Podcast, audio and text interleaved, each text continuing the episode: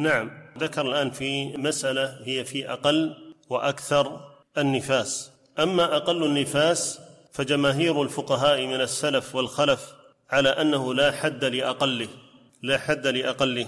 والدليل قوله تعالى ويسألونك عن المحيض قل هو أذى ولقول النبي صلى الله عليه وسلم فإذا أقبلت حيضتك فدع الصلاة وإذا أدبرت فاغسلي عنك الدم ثم صلي ولا دليل لا من القرآن.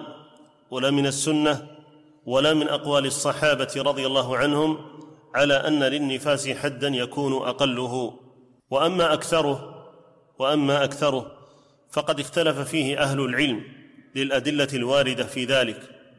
فقيل أربعون يوما وهو الذي عليه الحنفية والحنابلة وقيل ستون وهو قول المالكية والشافعية ورواية عن أحمد وقيل خمسون وقيل غير ذلك.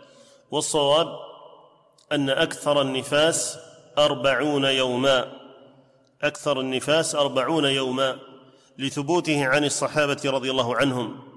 فعن ابن عباس رضي الله عنهما أنه قال النفساء تنتظر نحو من أربعين يوما النفساء تنتظر نحو من أربعين يوما أخرجه الدارمي.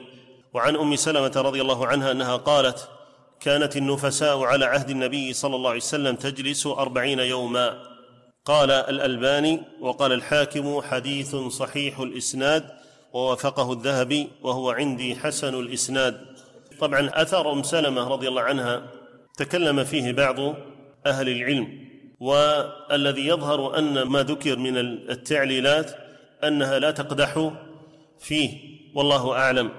كما أن الطب الحديث أقول كما أن الطب الحديث يثبت أن النفاس ستة أسابيع.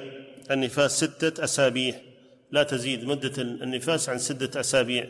فهذا يقوي هذا الاختيار أيضا ويستأنس به في الاختيار. والله أعلم.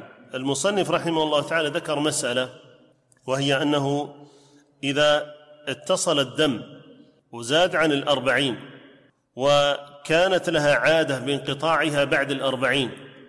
يعني هي اعتادت مثلا ينقطع عندها الدم بعد الأربعين خمسة وأربعين يوم مثلا أو خمسين يوم مثلا اعتادت على ذلك. فاختار رحمه الله تعالى أن تمكث وتنتظر بقية الأيام. تمكث وتنتظر بقية الأيام. هذا الذي اختاره رحمه الله تعالى. إذا شعرت بقرب الانقطاع أو كانت هذه عادتها. والذي تميل إليه النفس ما عليه الصحابة رضي الله عنهم وأرضاهم والله أعلم. نعم.